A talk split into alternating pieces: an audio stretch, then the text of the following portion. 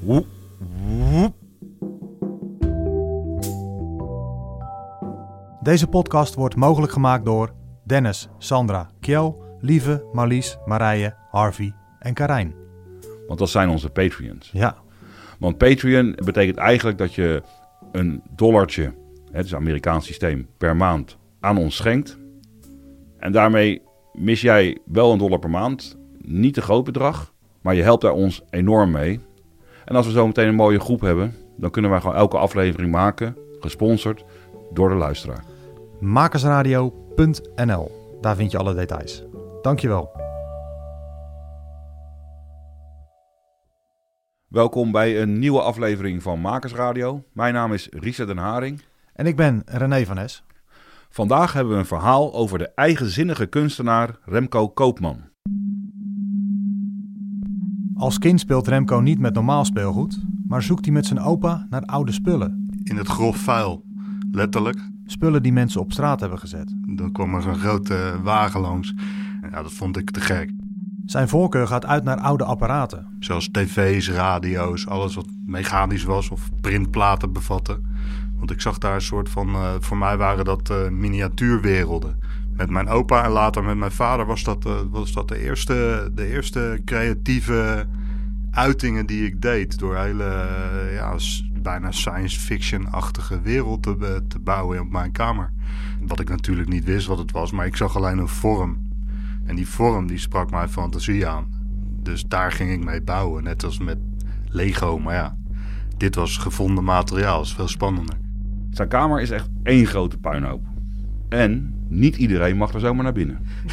Dus afblijven is mijn, eh, weet je wel, wel eh, ja. Dan werd ik heel boos. Dat Remco snel boos wordt is goed te begrijpen als we verder kijken. Zijn moeder is namelijk heel erg ziek. En wanneer was dat toen jouw moeder ziek was? Nou Ja, vanaf, eh, eigenlijk ken bijna niet anders. Remco's moeder had kanker. Maar ik had er, ik, eigenlijk hoor ik hier niet eens te zijn. Ze had al kanker op de 25ste en eh, kon eigenlijk geen kinderen krijgen. Genezen verklaard. Kwam ik en daarna begon het weer.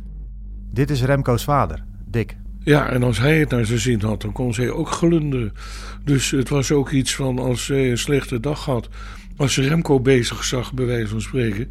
dan had ze daar toch een soort eh, plezierig gevoel bij. Van, eh, dat deelden ze wel met elkaar. Dus er was wel een verbinding wat dat betreft. Ik heb altijd eh, gezocht naar een manier om af te kunnen reageren, maar wel in een creatieve manier. Ja, dus heel belangrijk voor mij geweest. Als Remco 12 jaar is, ontdekt hij de PTT-tentjes. Dat was toen nog op straat dat ze de leidingen letterlijk in de grond aan elkaar maakten. En dan zat- zaten er mannen in tentjes.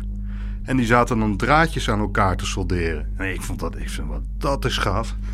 en ik ging altijd die tentjes in en bij die, bij die gasten zitten. En die dacht van, wat is dat nou voor een raar mannetje? Maar ik vond, ja, dat vind ik... En dan wilde ik allemaal onderdelen hebben wat ze dan afknipte en nam ik mee. Zijn beste vrienden waren lui van de PTT. En dat deed hij na. En we hebben dus een deel van de tuin moeten opgeven. En daar had hij een gigantisch diep gat gegraven. Waarin dan al die pijpen en weet ik wat allemaal lagen. Remco heeft het gat afgezet met lint en rood-witte stokken. En dan kwamen de mensen hier en die zeiden: Jeetje, wat is er bij jullie aan de hand? En eh, God, is er iets kapot, zijn ze dan van de gemeente?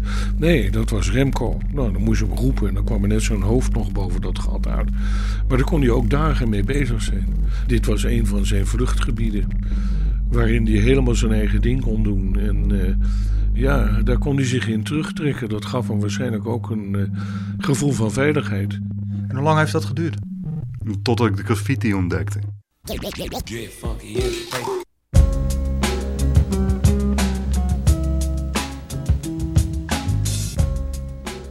Remco leest in die tijd de Eppo. Hij is vooral gegrepen door een strip over een Rotterdamse graffiti-jeugdbende. De zogenoemde Bad Boys. En die jongens zaten in die graffiti-wereld die net opkwam, want het kwam begin jaren tachtig overwaaien uit New York. En dat, eh, ja, daar wist ik helemaal niks van, was te jong voor. Maar ik zag wel een graffiti-wedstrijd. En dan kon je een boek winnen en dat ging over tekeningen op de New Yorkse metro. Het boek heet The Subway Art. En ik zag die tekeningen van die letters van die wedstrijd. Ik vond, wow, wat is dat dan, weet je wel? Die, die jongens die maken echt bizarre dingen, maar die maken tekeningen van woorden. Dat was heel raar. Dat je opeens letters vervormt naar beeld, wat ook nog bijna stripverhalen waren. Dus ik naar mijn ouders.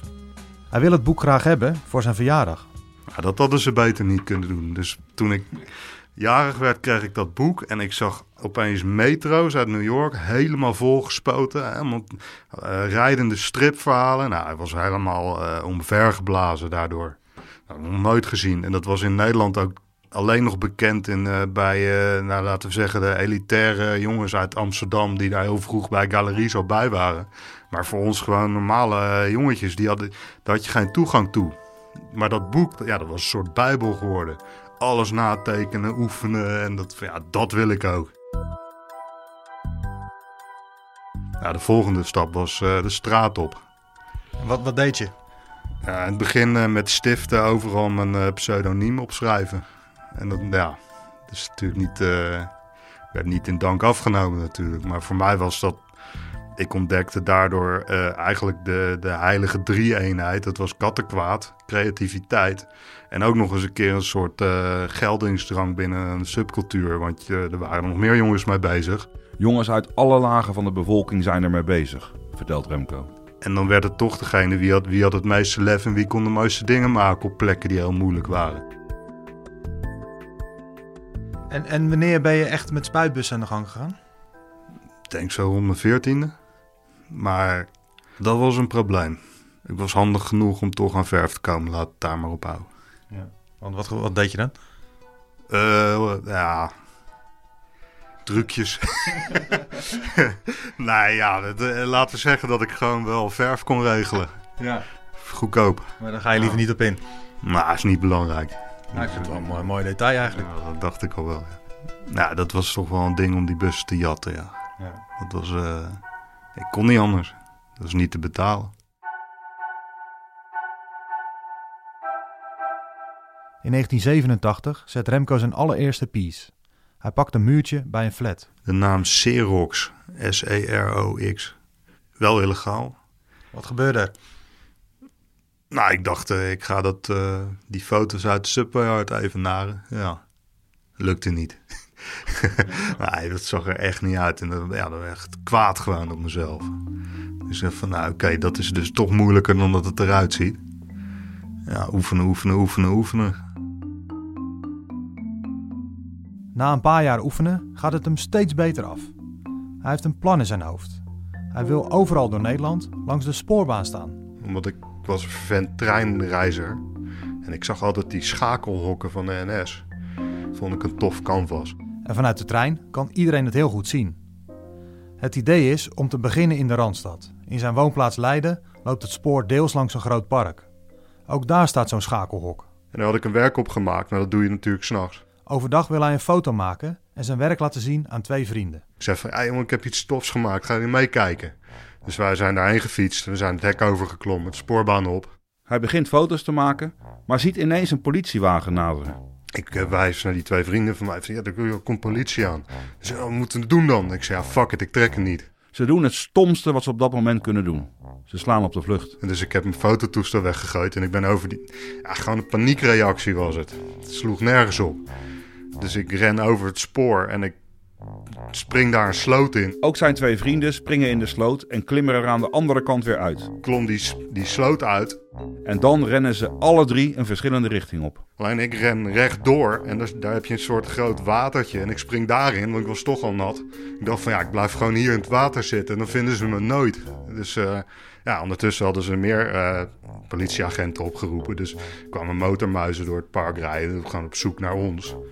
En elke keer als ze dus over de weg bij mij langs reden, ging ik onder water en kwam ik weer boven als die voorbij was. Totdat er, er kwam een jogger aan, een vrouw. En die rent gewoon naast mij en die ziet mij. En die, die zegt tegen die politie: Hier zit hij, hier zit hij. Zeg: Kut.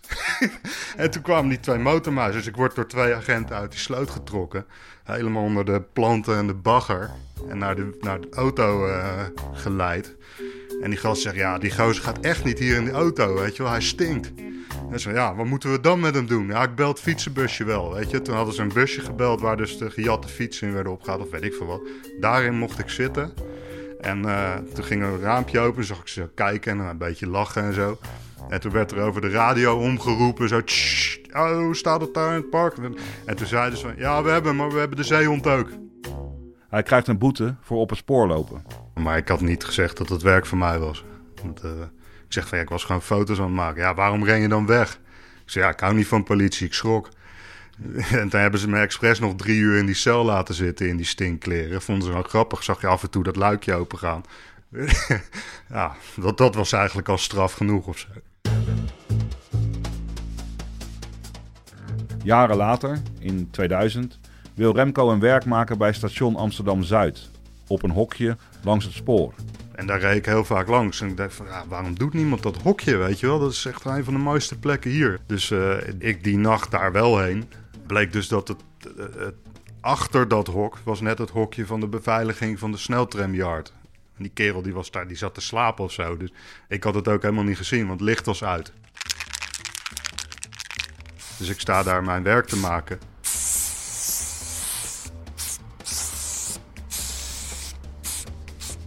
Als hij bijna klaar is, kijkt hij naar zijn vriend die op de uitkijk staat bij het station. Die zag ik zwaaien en wil doen. Ik zei, kut, dat is niet goed. Dus ik kijk om dat hokje en ik kijk eigenlijk recht in het gezicht van die kerel die in dat wachthuisje zat te slapen. Of wat hij dan ook deed. En ik schrok zo erg dat ik in wilde paniek weer weggerend ben. Over de sporen. En uh, ik had, zag niet echt een uitweg. Dus ik, ik ren door. En omdat het zo slecht verlicht was, had ik niet gezien dat de vangrail van de snelweg van de A4 daar zat. Dus ik klap over de vangrail heen. Ik val eigenlijk gewoon op de snelweg. Bijna tussen de rijdende auto's. Dus ik sta op in dat, in dat licht van die auto. En daar schrik ik nog een keer. Dat is een soort konijn wat, uh, wat, wat, de, snelweg opschiet. Ja, dat is, maar, dat is echt net goed gegaan. En toen... Uh, heb ik met die vriend, die had zijn auto heel dichtbij geparkeerd. We waren net weg en toen kwam van alle kanten politie aan. En dan kom je thuis en dan zit je vol met adrenaline en dan heeft ja, ik leef wel, weet je wel.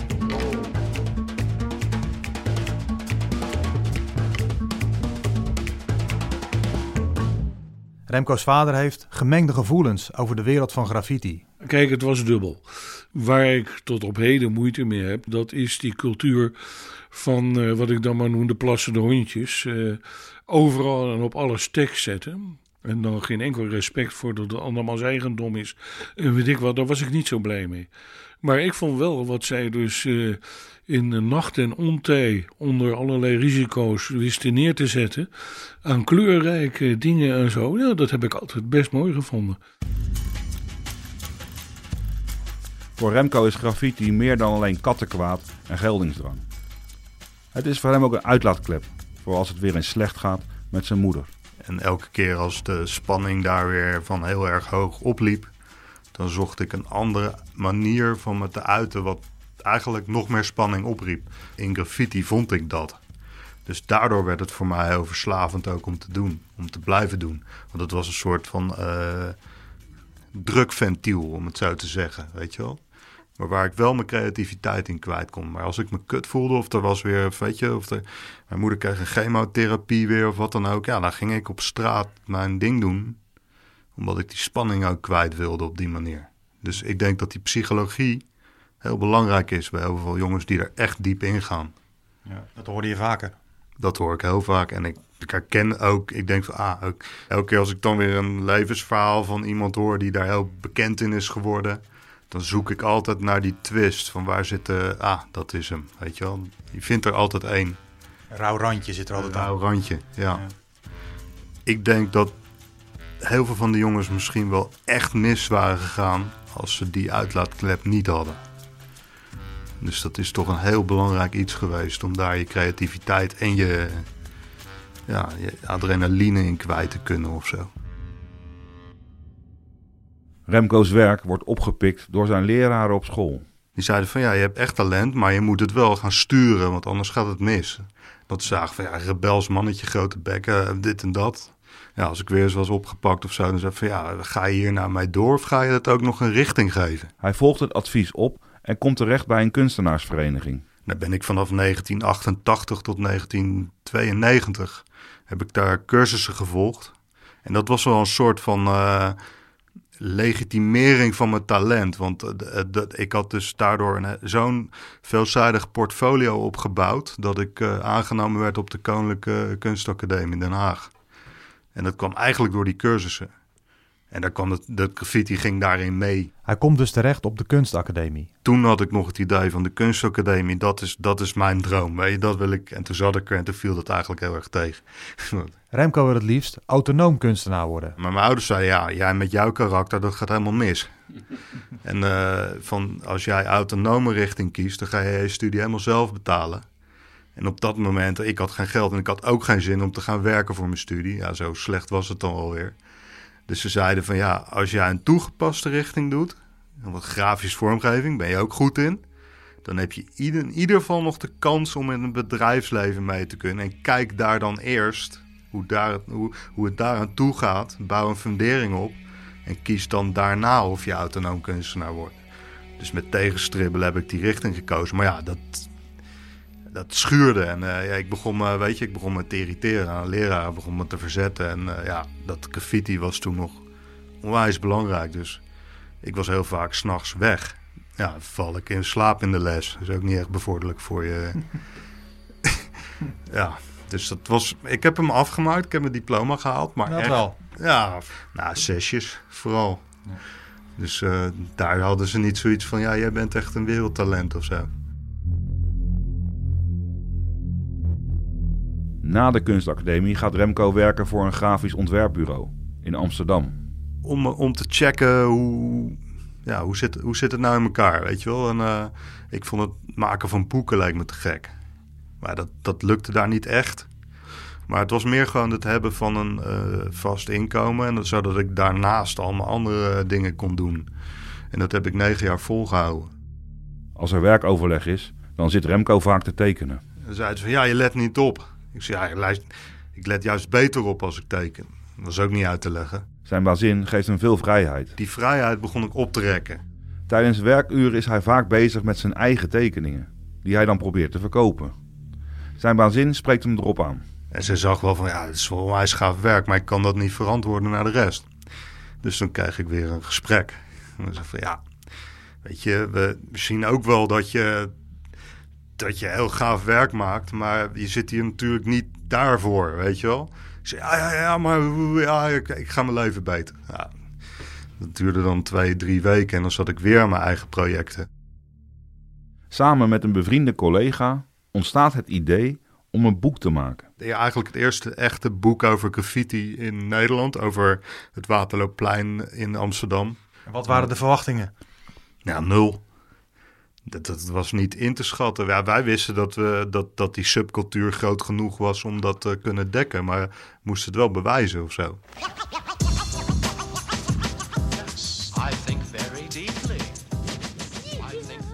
Het Waterloopplein in Amsterdam was in de periode van 1978 tot 2003 een gedoogplek voor graffiti. Het plein groeit uit tot een soort bedevaartsoord voor graffiti-artiesten uit heel Europa. Een mooi onderwerp voor een boek, vindt Remco. Waar toen echt niemand wat om gaf. Ze zeiden van ja, dat stelletje van Dalen. Weet je, waar, waar- hoe, ga jij, hoe gaan jullie dat boek uitgeven dan? Ze komen terecht bij Stadsuitgeverij Amsterdam. Volgens mij hebben we lukraak aangeschreven. En toen kregen we de directeur van die uitgever. Dat was een oude punker geweest. Bingo. Dat was bingo, ja. Want die zei van, hé, hé, eindelijk een keer niet over die oude gevelpandjes en alles. Ja, dit gaan we doen. Dit, ik geef jullie groen licht. En toen hebben we dat boek gerealiseerd en dat was echt een waar succes geworden. I'll be back, but for now, just sackle. Did you hear the main thing was just said? In about four seconds, a teacher will begin to speak. I play the nine and you play the target. You all know my name, so I guess I'll just start it. Or should I say start this? I'm the artist. artist. In 2009, Remco is dan 35, gaat het bergafwaarts met zijn moeder.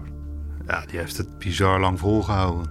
Nou ja, ze was een bijzonder mens, laat het zo maar zeggen. Opnieuw de vader van Remco. Remco eh, zag er enorm tegenop om dat laatste proces van eh, die achteruitgang, dat kon hij niet aanzien. En hij, had ook, hij kon dat ook niet goed uiten. En toen heeft hij gesprekken gehad met mijn vrouw. En die heeft gezegd, dat hoef je voor mij ook niet. En zo, eh, eh, als je dat niet eh, kunt of niet wil, dan moet je dat ook niet doen. En toen is hij dus inderdaad die laatste, nou ja, week of twee weken, is hij er ook niet bij geweest. Is hij dus met een vriend ergens anders een heet het, eh, muurschildering en zo gaan maken. Die hij ook als een soort in memoriam heeft hij daar ook dingen ingezet en weet ik wat allemaal meer. Omdat hij gewoon dat proces niet aankon. En ja, dat heeft natuurlijk een enorme impact gehad. Dat kan niet anders. En ja, dat begrijp ik ook wel. Ik bedoel, ik heb er ook niet met vreugde bij gestaan. We hebben iets van misschien wel acht keer afscheid genomen. Ja, dat doet wat met je geest, weet je wel. Als het dan niet gebeurt of zo. En dan ga je, ja, dit- maar dat legt gewoon heel veel druk, weet je. Dan, dan daardoor ga je ook... En als je dan een hele creatieve geest hebt, dan gaan die twee dingen vermengen. En dan ga je dus adrenaline rushes combineren met creativiteit. En dat paste gewoon heel erg in die graffiti cultuur voor mij. Dat was het ding waar ik alles in kwijt kon. Na het overlijden van zijn moeder gooit Remco het roer om. Dus toen heb ik super resoluut vaste baan opgezegd, alles. Gewoon ruksigloos. eh, Ik zei van nu ga ik autonoom kunstenaar worden. Hij wil minder focus op graffiti en stort zich op de legale kunst. Gewoon heel erg eh, powerful ingedoken of zo. Om dat te gaan realiseren. Maar wel, wel iets te. Want ja, het kostte me ook mijn huwelijk. Omdat ik gewoon helemaal eh, monomaan daarmee bezig was. Remco trouwt in 2006. Maar zes jaar later strandt het huwelijk. Op een gegeven moment komt de kinderwens om de hoek kijken. Ik werd helemaal panisch. Kan, kan dat, dat eh, ik? Vader? Normaal man, ik moet kunst doen. Ja, dat, dat, dat kan je een tijdje uitstellen. Maar dan, eh, ja, ik heb me toch iets verkeken op de vrouwelijke krachten eh, intern. Na de scheiding moet hij een belangrijke knoop doorhakken. Ik, ik had gewoon eh, ik had een koophuis. Een hele ideale plaatje. Ja, dat, dat viel in één keer in diggelen.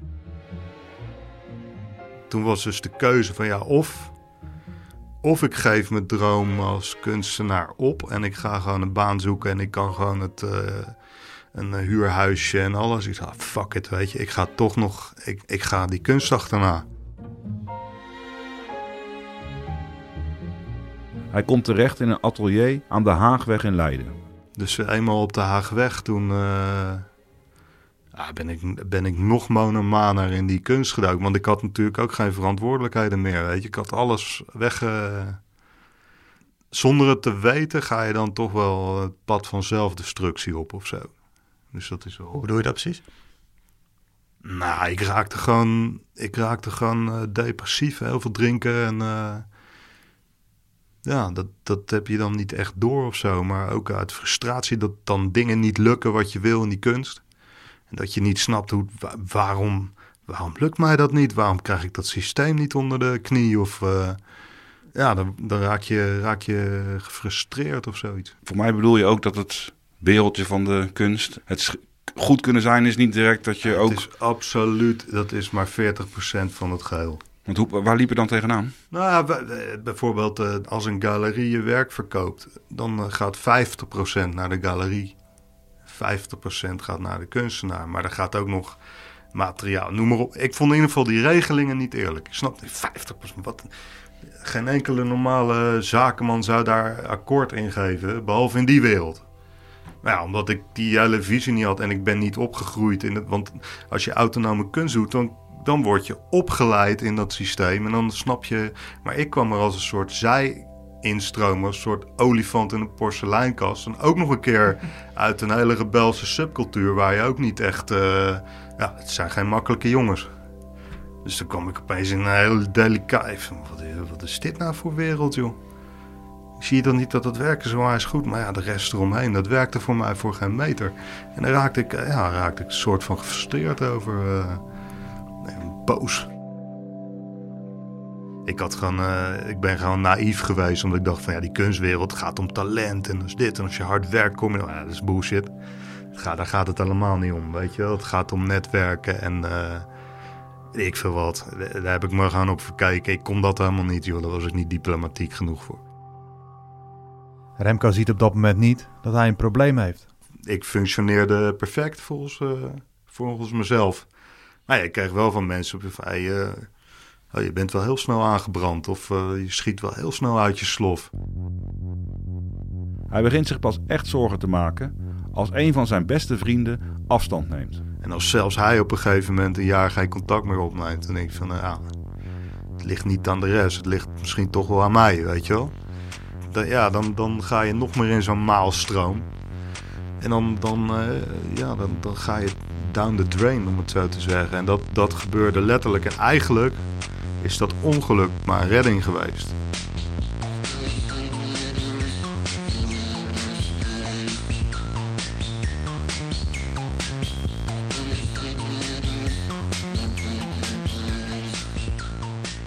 Op een avond klust Remco aan zijn nieuwe atelier.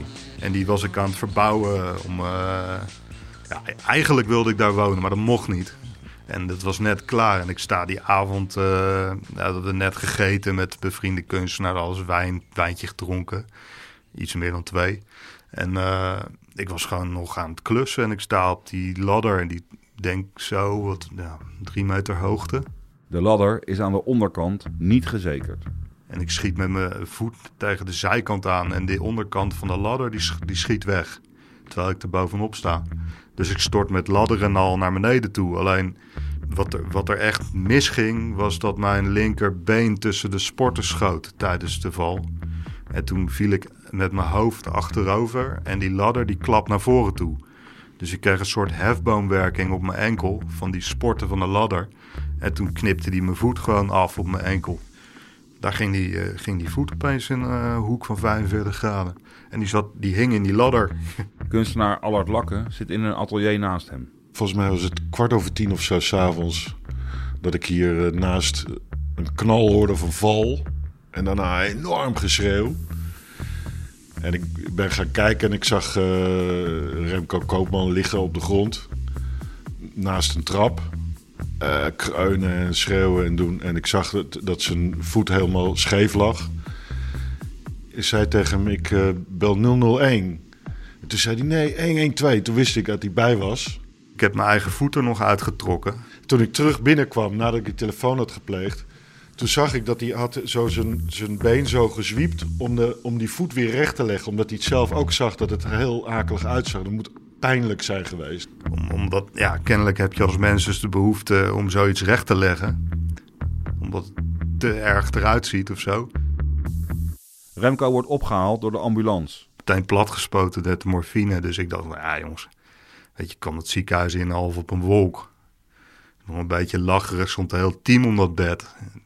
Ja, maar heel serieus kijken. Ze, jongen, ja, gebroken poot, dat is toch twee maandjes schips? Niemand lag. Ik zei, ja, dit is kut. Dus ja, foto's. En toen kwamen ze terug en zeggen ze, nou, we weten niet wat jij gedaan hebt. Maar als je iets breekt en je doet het zo, is best knap. Dus ja, ze zegt van, eh, je kan het vergelijken met een zak chips. Van, eh, je vel was nog helemaal de rest. Alles ligt in kleine stukjes en je moet die hele enkelgewricht gaan opbouwen. En dat gaat nog wel even duren, want dit, de hele gebeuren is nu zo gezwollen dat we ook niet kunnen opereren binnen een week. Dus je moet sowieso nog een week wachten op je operatie. Nou, en dan ga je. Nou, dan, dan klapt de depressie er wel in. En dan lig je op dat bed en van fuck. Dit is. Ik ben echt fucked for life. Dat van die, die- je kan waarschijnlijk niet eens meer goed lopen eh, straks, eh, omdat het zo bizar gebroken is. Nou, ga je zitten malen, malen en dat wordt alleen maar erger. Dus dat- ik was al depressief, maar dat maakte het nog erger. Opnieuw Allard Lakke. Remco wilde echt eh, als schilder aan de gang gaan. Die was een graffiti-bui en die wilde bovengronds en weet je, zo veel meer stabiliteit en dit en dat. En dit gaat zo niet alleen pijnlijk lichamelijk zijn, maar ook eh, geestelijk pijnlijk zijn. Want iemand die net aan iets nieuws wil beginnen en dan in feite compleet wordt afgeremd door een ongeluk. Ja, het vreselijk. In het ziekenhuis krijgt Remco veel bezoek. En Allard Lakke die had een eh, tekenboekje gegeven, eigenlijk de eerste dag al. Hij zei van, jij moet gaan tekenen. Ik zei, tekenen man, ik eh, daar moet er niet aan denken. Het is echt het laatste waar ik nu aan moet denken. Hij zei, ja, maar je moet niet depressief worden. Ik zei, ja, dat is al te laat. dus, eh, Na een week beginnen ze pas met de operatie. en ze zeiden van, ja, je komt gewoon... eh, Eh, je, hebt een, je hebt een lange operaties, gaan 4,5 uur eh, opereren. En dan kom je gewoon heel rustig bij uit je narcose en dan is het eh, gewoon over. Dus zo ging ik erin. Maar ja, de, de rest merk je niet meer. Maar in ieder geval, ik kwam niet heel rustig uit die narcose. Ik, was voor mijn gevoel wakker in één keer. En ik voel onwijs pijn, dus ik begin meteen te schreeuwen. En toen kwamen ze aanrennen vanuit van... Ja, ja, ja, we zagen al tijdens de, tijdens de operatie... dat je pijnprikkels niet goed gedempt werden. Ja, mogen we je wat vragen? Ben je alcohol- of drugsverslaafd? Want eh, je lichaam is gewend aan een bepaalde be- verdoving. Ja. Ja, toen schrok ik helemaal. Ik zei, oh, nou, nee, ik, ik ben helemaal geen drugsgebruiker. Het is niet die zin, maar alcohol is natuurlijk wel een dingetje. Ik dronk gewoon eigenlijk standaard elke dag. eh, maar ik functioneerde gewoon normaal, voor mijn gevoel. En toen eh, kwamen ze met het verhaal van... ja, je zit aan je, aan je tax met de morfine... Dus eh, we moeten iets anders verzinnen. Maar het enige wat we nog hebben is ketamine. Maar dat geven we mensen niet zo snel, omdat er heel veel mensen niet tegen kunnen, want die gaan hallucineren. Ik zei, ja, maakt me niet uit, maar ik trek die pijn niet. Dus ja, er moet iets. Doe het maar, weet je wel. En ik kende natuurlijk ketamine wel vanuit de techno-scene als partydruk, maar ik deed dat nooit. Ik snapte niet dat je op een dansfeest in een hoek wilde zitten, helemaal in jezelf weggetrokken of zo. Wat gebeurde er toen? Nou, ik kreeg een, eh, een infuus met een eh, cocktail van morfine met ketamine. Maar als een rat kon ik mezelf injecteren als het echt pijn deed. Dus een, eh, het was allemaal computer gestuurd. Ik kon mezelf geen overdosis geven of zo. Maar dus het, het ziekenhuis die hield me in een soort gecontroleerde toestand. Maar het was een hele rare... Voor mijn gevoel was het een soort rare droomtoestand. Waarbij ik in een soort dikke vloeistof zweefde of zo. Dat gevoel had ik. En elke keer als ik op dat pompje drukte en je jezelf weer een shot gaf, dan leek het net of je in een soort moeras verdween, dat je weggezogen werd. En alles wat ik pakte, dat werd liquide. Dus als ik dan, net of het van rubber werd of zo, was heel. En, en op een gegeven moment heb ik toen koptelefoon opgezet. En ik had allemaal eh technomixen erop staan. Maar eh, die heb ik toen opgezet in die, in die droomtoestand. onder invloed van die ketamine en die morfine.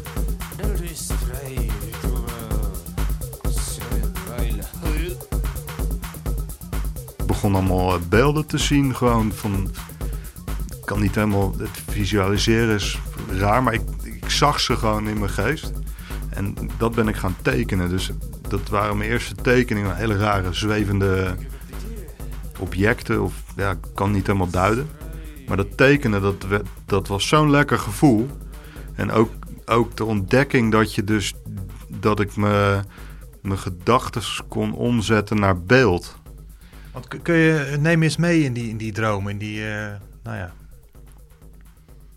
Ja, het is net zoals vloeistofdia's, weet je, als je die oude vloeistofdia's of eh, VJ-projecties bij eh dancefeesten, die je dan geprojecteerd ziet achter de DJ. Of, maar die zag ik in mijn hoofd. Echt grafische lijntjes, tekeningen, inkttekeningen, dat, zoals ik ze ook vertaald heb. Ja, dat, ik kan het ook niet, ik kan het nog steeds niet helemaal duiden. Maar Het wordt wel, een, wordt wel eh, steeds concreter. Ja. En, en ook autobiografischer, want je ziet ook eh halve ro- hier, hier, dat is mijn eigen operatie. Maar ja, een soort halve robot die me aan het opereren is. Maar waar dat vandaan komt, weet ik niet. Blue. Strange color blue. 16 tons on the move. Zijn werk wordt opgemerkt door de zusters. Dus op een gegeven moment was, was, je de, was je de kunstenaar op de afdeling. Dat vond ik ook wel grappig. Want, want, want je merkt ook dat als je in zo'n ziekenhuis ligt met gedeelte... Het gaat altijd over ellende, weet je. Iedereen praat over de shit waar die in zit. Ja, daar word je ook niet helemaal happy van. Dus ik probeerde een manier te bedenken om ook de conversatie een andere kant op te sturen. En dat tekenen gaf me daar een soort van opening voor. Want het ging opeens niet meer over ellende of mijn ellende of die ellende van degene die naast me lag. Maar het ging over mijn werk, over dat tekenen. Dus dat was nog meer een drive om daarmee bezig te zijn. Want dat was, dat was mijn unieke ding geworden. En dat was ook wel een eh, escapisme of zo eh, uit die narigheid.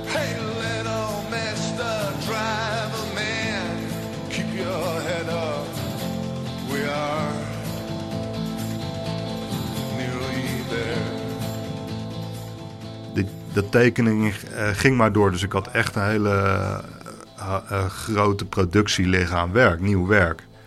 En daarna, ik kon niet naar huis, want ik zat bij mijn vader nog in. Maar die, die, daar was ik ook wel een soort van mantelzorger voor. Zijn vader heeft reuma en is moeilijk ter been. Dus ik kon niet naar huis, dus ze hebben me in een zorghotel gezet. En ik kwam daar tussen oude mensen, ook helemaal aan de kreukels. Nou, ja, dan kom je ook in een wereld waar ik nog nooit in geweest was. En toen je dat verzorgingshuis had, eh, kreeg je toen nog steeds ketamine? Nee, dat hebben ze in het ziekenhuis eraf gehaald. Dus die ketamine, die heb ik, ja, het zat zo'n twee weken gehad. En die morfinepillen, dat ging over in pillen. Dat hebben ze in het, eh, in het zorghotel afgebouwd. Maar dan kreeg ik ontwenningsverschijnselen, een soort junk. Echt, echt koud zweet, koortsdromen, alles.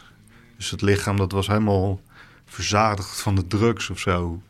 Ik kreeg daar echt last van. En die teken, dat heb ik ook weer getekend.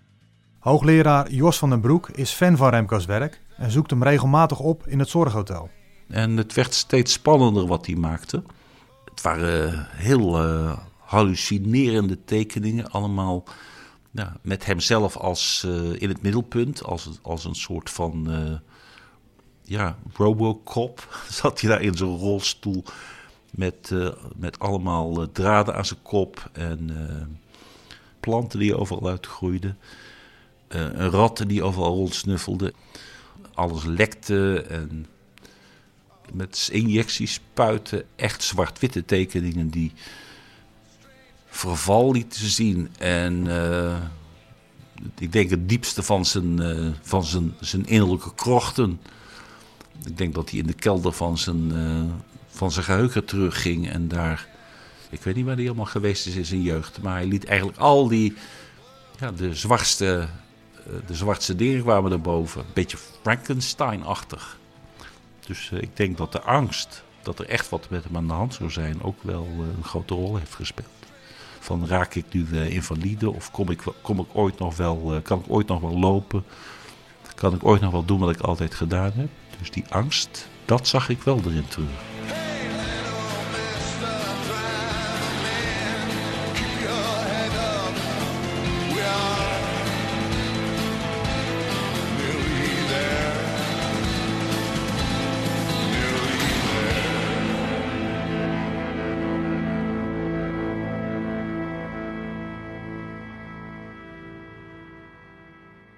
En is er een moment geweest in dit, in dit hele proces, in het ziekenhuis of, of, of in dat verzorgingshuis, dat je tot een bepaald inzicht bent gekomen? Ja, heel erg. Ik denk eh, ook. eh, ik dacht van oké, dit is rock bottom. Dit is echt. Als je, als je nu niet je leven om gaat gooien. Dit kan niet meer, weet je wel. Ja, en je krijgt gewoon nog een kans. Nou, ik heb dat, ik heb dat echt als een soort. eh, ja, om, om een keer eh, gezien. En dat, dat verandert je. Kun je ook in- onder woorden brengen wat er dan precies veranderd is? Nou, dat, dat is. eh, ik was ook me, bijvoorbeeld mijn depressie kwijt. Dus die zwaarte, die, dat viel ook weg. Dus die, eh, die zat niet meer in de, in de zwarte wolk. Remco wil gelijk revalideren. Ik kan het gewoon niet hebben om niet goed meer te kunnen lopen. Dus ik ben daar vol in gegaan. En heb dat binnen een hele korte tijd zo ver gekregen dat het eigenlijk eh, voor 95% weer heel was. Zijn enkel is wonderbaarlijk goed geheeld, krijgt hij van de arts te horen. Dus dat was het begin. En, en ook eh, dat ik me besefte van ik, ik, moet, ik kan niet meer zo monomaan met dat kunst bezig zijn. Ik moet, ik moet dit een twist gaan geven. Dus eh, ik ben eh, een opleiding begonnen in Amsterdam aan de Hogeschool voor de Kunsten weer. Post-HBO, dat heet de BIC-opleiding, beroepskunstenaar in de klas. Om met eh, kinderen te gaan werken. En ook, eh, ja, dat werkt eigenlijk heel goed. Dus heel enthousiast. En daarnaast werk ik twee dagen in de week voor het eh, Street Art Museum, wat volgend jaar geopend gaat worden. Wordt het grootste street art museum ter wereld. In de Eihallen in Amsterdam-Noord. Cool. Zit ik heel vroeg bij en daar help ik mee. eh, ja, ik, daar gaan we gewoon iets moois van maken. Dus ik zit weer in een soort van loondienst, wat ik gezworen had nooit meer te doen. Ja, nu, nu, nu ben ik wat meer in het grijze gebied in plaats van zwart-wit.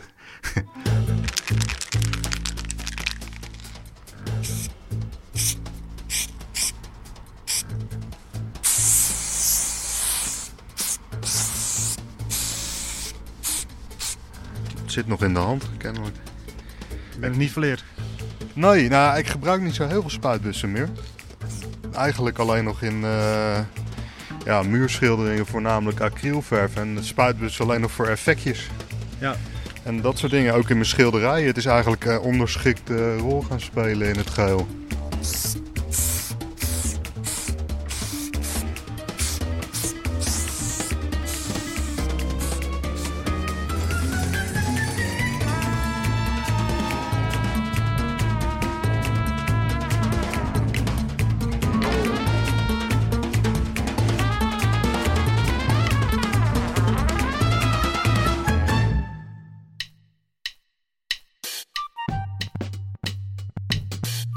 Bedanken Remco voor zijn openhartige verhaal. En zijn tekeningen die hij na de operatie heeft gemaakt zijn gebundeld in een boekje. Dat heet Door de Dubbele Deur. Je kunt het bestellen op zijn website remcokoopman.nl. Meer informatie over deze podcast vind je op makersradio.nl. En daar kun je dus ook onze Patreon worden vanaf 1 dollar per maand. Doen. Dankjewel. Tot de volgende aflevering.